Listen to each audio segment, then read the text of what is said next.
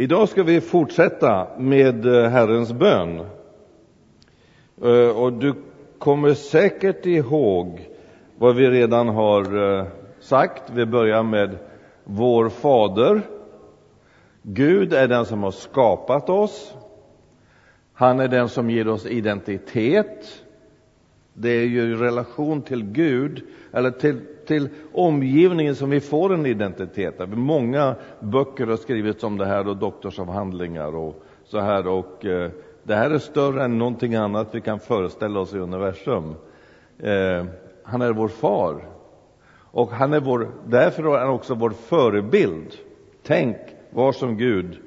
Eh, Lasse läste ur eh, ur Filipperbrevet här, var så till sinne som Kristus Jesus var. Det är en enorm både utmaning och en, alltså en, en uppmuntran. Alltså, kan du tänka dig att universums skapare och upprätthållare säger var som jag? Det förändrar ganska mycket i vår självbild, gör det inte? Du som är i himlen, kort, vad är himlen för någonting? Ja, himlen är inte en plats som är långt borta. Det är universums beslutscentrum. Det är där alla viktiga beslut fattas. Det är inget abstrakt. Det är det mest konkreta, verkliga som finns. Låt ditt namn hållas heligt. Alltså, både vi vill att du ska se till det, men vi vill också, jag vill också att mitt liv ska vara så att människor förstår att du är en helig Gud. Och följer man dig, då syns det i vårt liv. Låt ditt rike komma. Vi vill att Guds regerande ska bryta in. För att Guds rike handlar om att Gud regerar, Guds vilja sker här och nu. En gång kommer det att komma i sin fullhet när Jesus kommer tillbaks. Och det ber vi om. Men vi ber också att Guds rike ska bryta in här och nu i vår situation. Och vi kommer att se längre fram i undervisningen idag hur, vad det, en aspekt av vad det handlar om.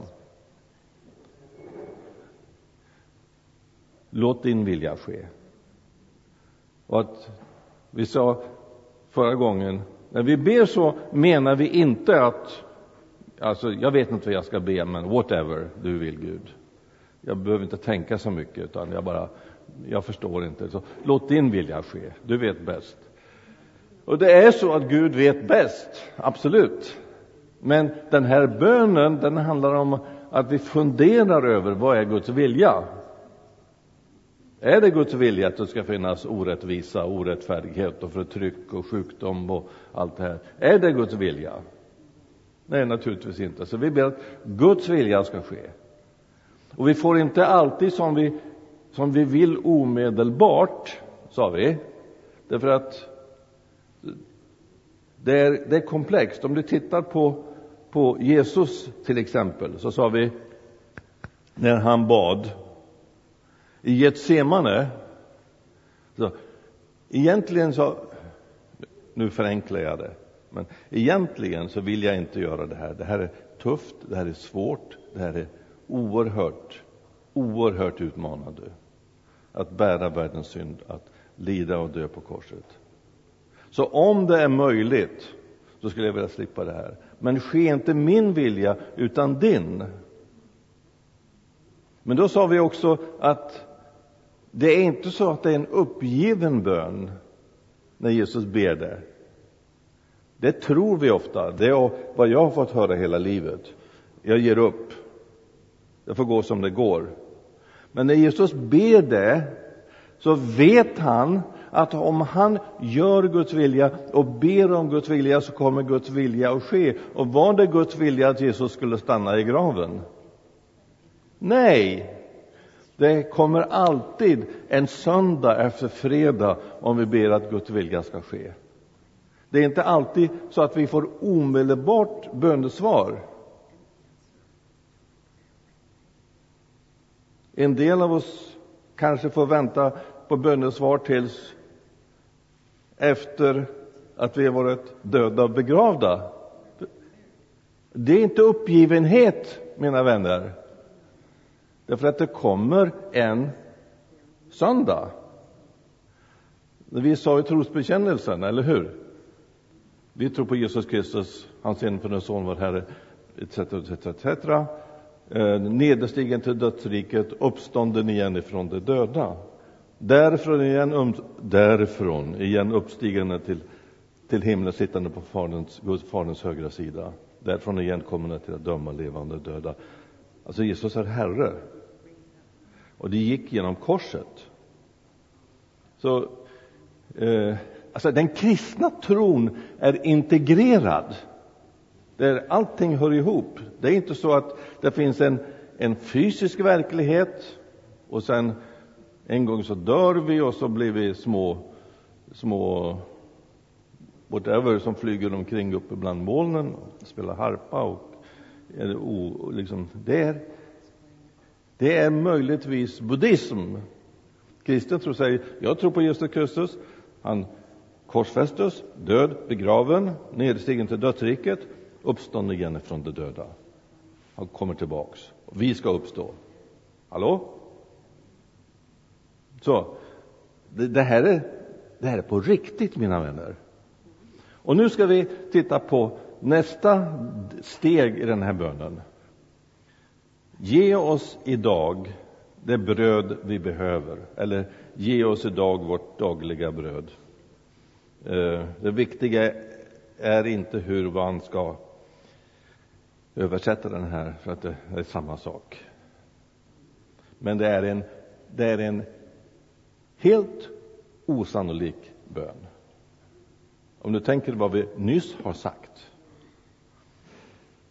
Gud har skapat universum. Okay? Stort. 200 miljarder galaxer. Vi repeterar det söndag efter söndag.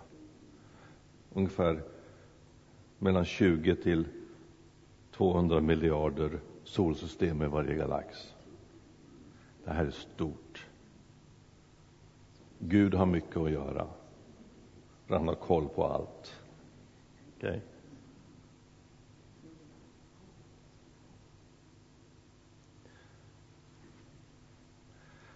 Det är väldigt lätt att man tänker sig att Gud är så stor och han är så, han är så enormt stor. Jag kan inte begripa honom. Och det är så sant. Vi skulle kunna köra mer matematik här på morgonen, men vi ska inte göra det. Men kan du tänka att alla de här 200 miljarderna gånger 20 eller 200 solsystemen består av atomer som består av partiklar. Okay? Och Gud har koll på varje partikel, för annars skulle den inte existera. Okej? Okay? Och så lär han oss att be, du, jag behöver mat idag. Låter inte det här som en motsägelse? Kan du förstå att, att många människor, både i vår kultur och över världen, tänker att jag ska inte, jag ska inte störa Gud med mina små bekymmer. Han måste ha tillräckligt mycket att göra utan att behöva tänka på mig också. Men om man tänker så, då har man skapat en avgud. Då är det inte Gud vi talar om. Då är det inte Abrahams, Isaks och Jakobs Gud. Då är det inte Jesu Kristi Gud och Fader vi talar om. För att om det nu är så här att Gud är så stor, och det är han, då är det nämligen så här att det enda vi kan veta om honom, det är det han berättar om sig själv. Om han säger så här är det, och han är mycket smartare än jag. Alltså, det här är inte komplicerat nu. Så, om Gud är, är smartare än jag och han säger någonting till mig om hur han är vad är det då smartaste jag kan göra, liten som jag är i universum? Det är att säga hatten av. Den lutherska hatten av. Aha, så är det. Det är du som är chef. Det är du som vet. Jag kan inte begripa det här. Men å andra sidan så är det så att om Gud, lyssna, för att djävulen vill stjäla det här från dig. Men om Gud är så stor att han har koll på varje partikel i universum, då kan han inte inte veta om din situation. Och om han bryr sig om alla sparvar som finns på jorden, då har han koll, säger Jesus. Och för honom att ha koll på många hårstrån du och jag på huvudet som Jesus säger att han har, det är, inget, det är inget, det är inget jobb. Det är bara en självklarhet. Vi kan tycka att det lätt, borde vara lättare för honom att ha koll på en del människor hur många hår de har än på andra. Men det, så är det ju inte. Så han säger nu, lär dig att komma till mig med dina behov. För att när vi ber på det sättet, då ställer vi oss i rätt relation till Gud. Det är han som ger mig mat. Det är han som är ursprunget till allt gott. Och han har lärt mig att vi ska be på det sättet. Och när det handlar om bröd i den här semitiska kulturen så handlar det inte bara om smörgåsen till frukost utan handlar om våra grundläggande behov. Vårt dagliga bröd, ge oss idag.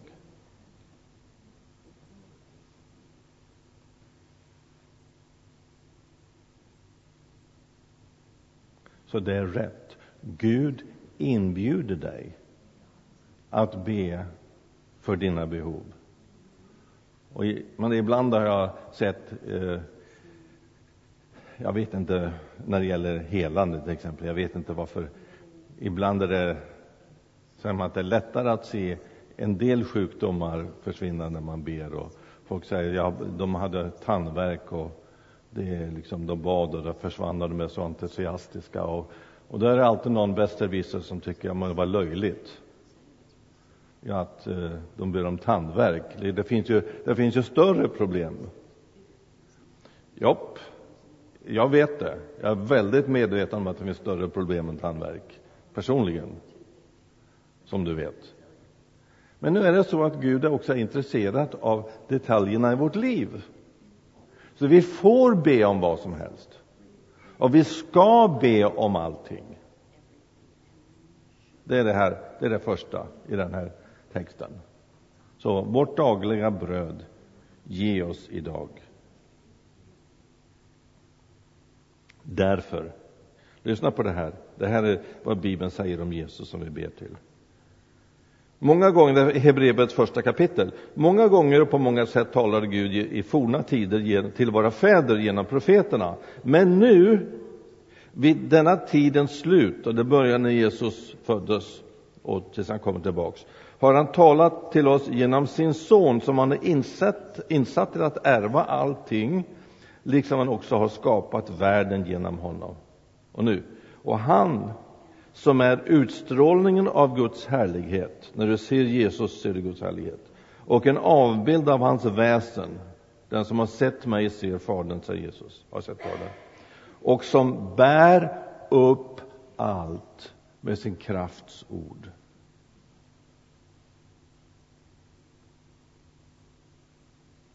Det är han som säger, du ska be, ge oss idag vårt dagliga bröd.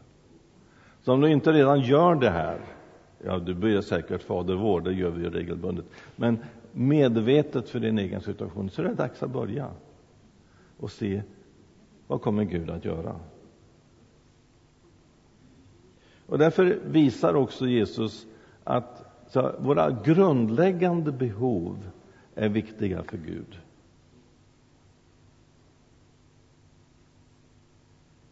Det finns uppfattningar i världen som säger att Gud är bara intresserad av det andliga. Och så är det ju. Det är bara så att det andliga, det är allt som har att göra med Gud. Och det inkluderar skapelsen, våra kroppar, vårt liv, vår familj, vår framtid. Allt det där är andligt. Därför att det har sitt ursprung i Gud som är skaparen, som är ande. Och när människor är hungriga, kom du ihåg? Det var flera tusen människor som kom för att lyssna på Jesus och i grunden beror det ju på att människor var hungriga på att det var dålig planering, eller hur? Bryr sig Gud om när vi har slarvat? Alltså, man är så entusiastisk att man springer ut i öknen för att lyssna till Jesus predika så man glömmer att ta med sig mat. Och det är flera tusen människor som gör det. Det är lite liksom allmän kaosrörelse. Och så ser Jesus det här och så säger han, det här är inte bra. De är ju jättehungriga, hur ska de ta sig hem? Och det är för att Jesus bryr sig. Man skulle, alltså den här vän av ordning som alltid vet bäst, skulle jag säga, ja men då får de väl skylla sig själva då. Ska de be om ett under nu när de har bara sprungit hemifrån utan att ta ansvar? Å andra sidan, om vi fortsätter att läsa berättelsen, alltså vi ska inte förenkla saker nu. Om vi fortsätter att läsa berättelsen, då säger Jesus, när han har, när han har gett mat till flera tusen människor genom ett under, så säger han till sina lärjungar, nu vill jag att ni samla, skaffar korgar och så ska ni gå och samla ihop allt som är över, så att det inte förstörs. Kan du begripa det? Alltså, det är ju en konst för honom att skapa mer mat. Det är väl bara att lämna det här och sticka härifrån. Och, nej, därför att den här maten har sitt ursprung i att Gud har välsignat. Och därför ska vi behandla det med respekt. Det var någonting för västerlänningar. Har du talat om matslöseri? Men det var inte det som min predikan handlade om nu, men jag bara var väldigt nära till hans att nämna det i alla fall. Men nej, vi ska ta det här på stort allvar. Allt som Gud gör ska vi ta på allvar. Men han är en god far som bryr sig, och han bryr sig våra mest grundläggande behov. Så han gör under, och säger, men ta hand om det.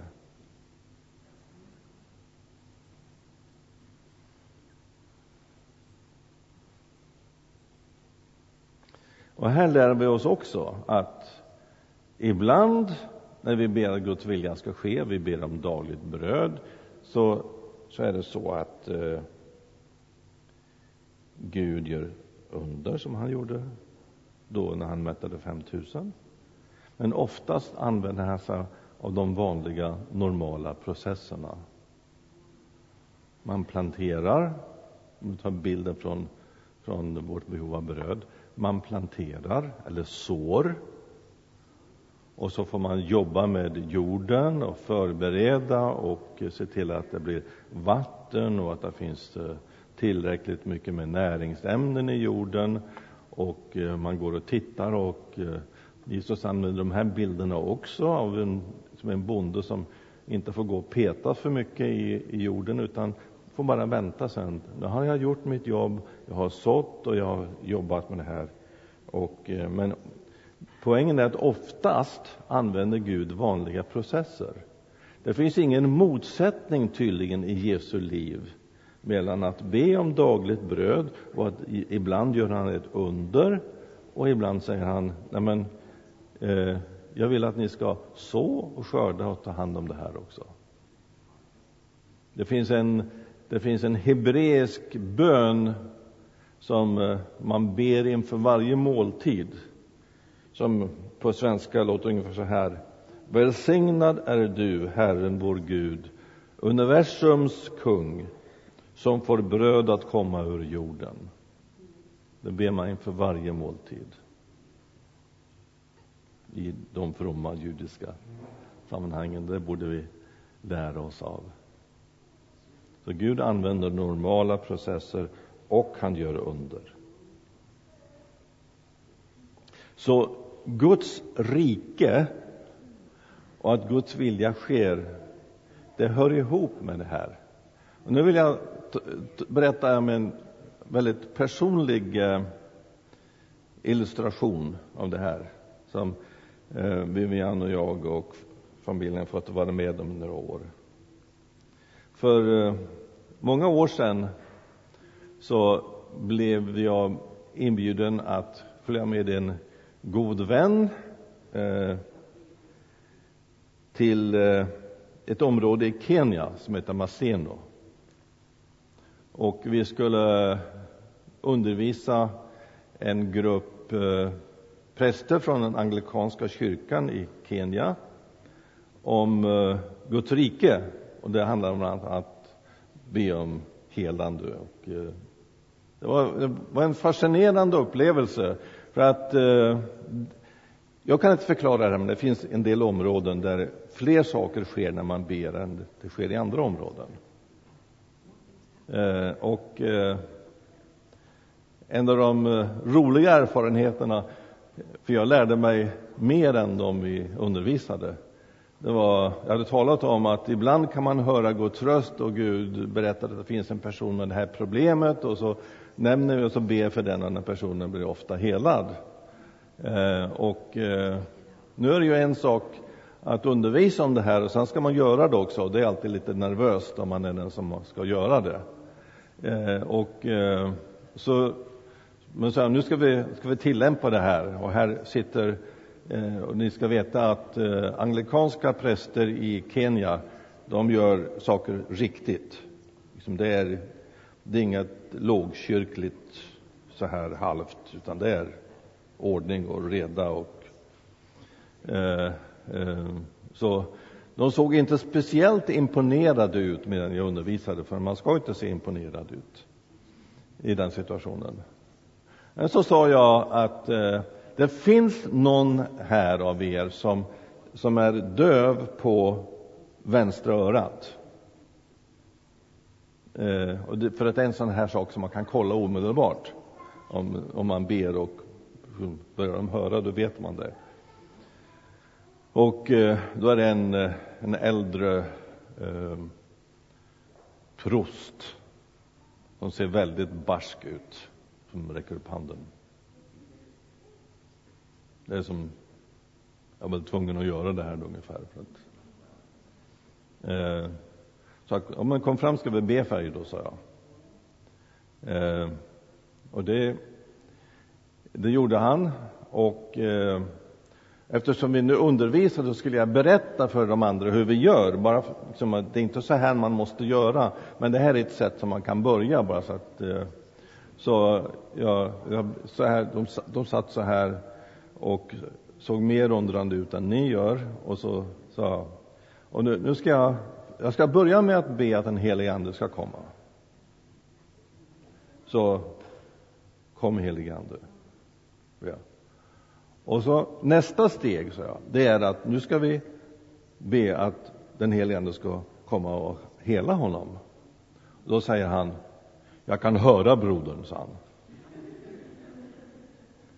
Och jag då, min västerländska eh, förväntan, tänker, ja men jag vet ju att han hör på högra örat och han är afrikan så han vill inte att jag ska se, liksom, förlora ansiktet, tappa ansiktet här nu. Så jag, jag säger, ja men jag vet att du hör på högra, högra örat. Och då såg han ännu mer barsk ut. Liksom att, ungefär, du, du är dummare än jag trodde till och med. Nej men jag hör på det här örat, sa han. Så innan jag hann be så blev han helad. Okay, det här är bakgrunden nu, okej? Okay? Eh, och vi såg väldigt, väldigt många människor bli helade. Och så säger Bruce, jag tror att Gud utmanar oss. För att så vi kan be hur mycket som helst om människor blir helade. Men vi skickar dem tillbaks till, till total fattigdom. Det här är ett av de fattigaste områdena i världen. Och de kommer att bli sjuka igen för att de får inte tillräckligt med mat och deras barn är sjuka och de dör i malaria och aids och eh, eh, det, det här är, vad vi gör är bra men det här, det här är inte tillräckligt det här är inte Guds rike så då kommer den här idén upp. Vi måste hjälpa de här fattiga bönderna att förbättra sina skördar. För att det här är människor som om de hade ett bra år en bra skörd då kunde de äta en måltid om dagen. Och det var majs. Och hur nyttigt är det att bara äta majs? Så börja lyssna. Vad gör man? Och den ena saken leder till den andra tills, tills ett jordbruksprojekt som nu kallas Just Earth startade att hjälpa de här bönderna med eh, utsäde och jordförbättring och se till att, att jorden inte bara blir eh, utnyttjad och tömd på, på, på en, så, sånt som gör att det växer. Eh, och eh, när, så, när vi börjar be att Gud ska leda oss, då kommer den ena saken efter den andra att ske. Till exempel att en av världens bästa agronomer som bo, råkade bo i det här området säger att ja, men det här skulle jag drömma om att vara med och hjälpa till med. Och, eh, och eh, hjälpte oss, det var ju inte vi, det var Gud som gjorde det. Till att på ett år hade en del skördar ökat med mellan 500 till 1000 procent. Och det är mycket. Och det var inga konstigheter. Nu, det här är en illustration av Guds rike här. Om vi ber ge oss vårt dagliga bröd. Jag ber Gud ge mig mitt dagliga bröd.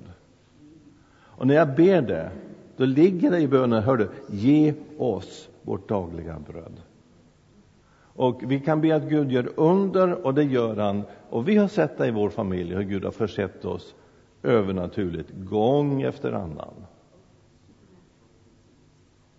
Men oftast är det genom de här processerna och då inkluderar det att hjälpa fattiga människor. Och det finns inget större förmån i livet än att se det. Jag kan bara berätta att det här har växt nu så att hela den anglikanska kyrkan i, i, i Kenya är med och stöder det här och utvecklas och pingströrelsen är med och stöder det och det här vill vi ha.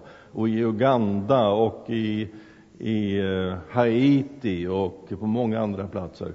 Eh, och det här berättar jag för att säga till dig, om du är med och ber att Gud ska leda dig och välsigna dig och ge dig, ge dig förståelse för vad du ska göra för att hjälpa människor, för att det här ska ske, då är det, det är, det är hans vilja och han älskar att svara på de böner som vi ber, som han har lärt oss att be.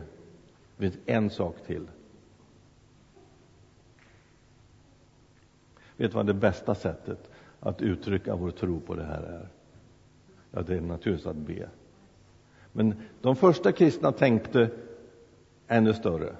Eftersom det är så här och eftersom Gud är en sån här Gud som älskar att ge och han har sagt ha det här sättet att tänka som han har så är det bästa sättet att uttrycka det förutom att be det är att själv ge om man tycker att jag borde ha mer, jag borde få mer. Jag är inte så rik som en del andra är. Och eh, om du tittar på media och en del representanter som uttalar sig om alla möjliga saker vars titel jag inte ska nämna eh, kan man få intrycket av att det är alltså, jag borde ha mer. Det är möjligtvis så att det, du har rätt också. Men, men de första kristna, de tänkte så här. Att eftersom jag är Guds barn och Gud älskar att förse mig vad jag behöver, då ska jag dela med mig. Och om jag delar med mig av det Gud har gett mig, då är det Guds glädje att ge mig mer. Nu talar jag inte om det vi kallar för framgångsteologi eller En del kanske hör mig säga det. Eh, nej, eh, jag talar om vad faktiskt Bibeln säger. För Gud har inte lovat oss rikedom, men han har lovat att ge oss allt vad vi behöver.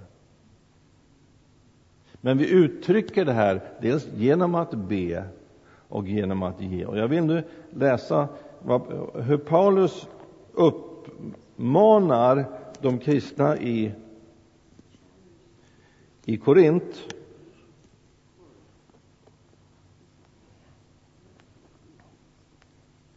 Så det här är det sammanhang som den här bönen finns i i Nya testamentet. Första Korinthierbrevets nionde kapitel, från vers 5.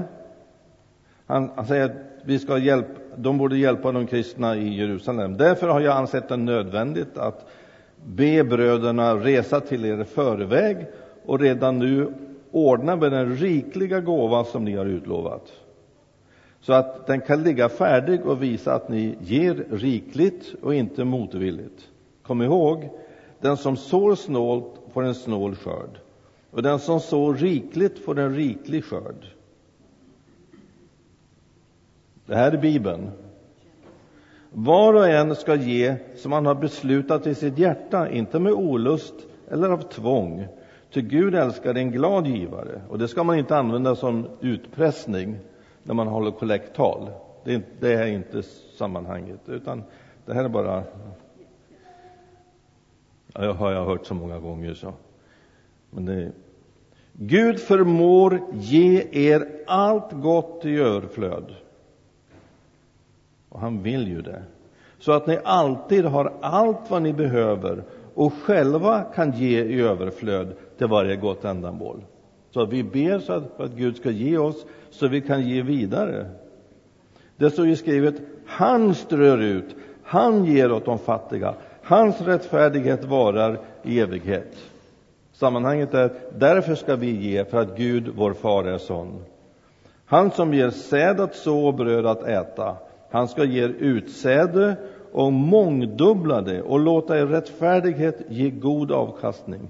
Ni blir rika på allt och kan visa en gränslös frikostighet som framkallar tacksägelse till Gud när jag förmedlar gåvan. Det här är fascinerande. Så vi ber Låt ditt rike komma, låt din vilja ske. Vårt dagliga bröd ge oss idag. Vi ber genom att be och genom att handla i tro på Gud. Jag är inte världens rikaste person. Jag är inte ens Örebros rikaste person. Men jag ska definitivt dela med mig. För att jag vill att folk, folk ska se att Gud är stor och Gud är god och Gud är generös. Och när människor lever i gemenskap med Gud, då händer det här. Och då förändras liv och familjer och samhällen och det är en sån stor, stor nåd och stor glädje. Amen.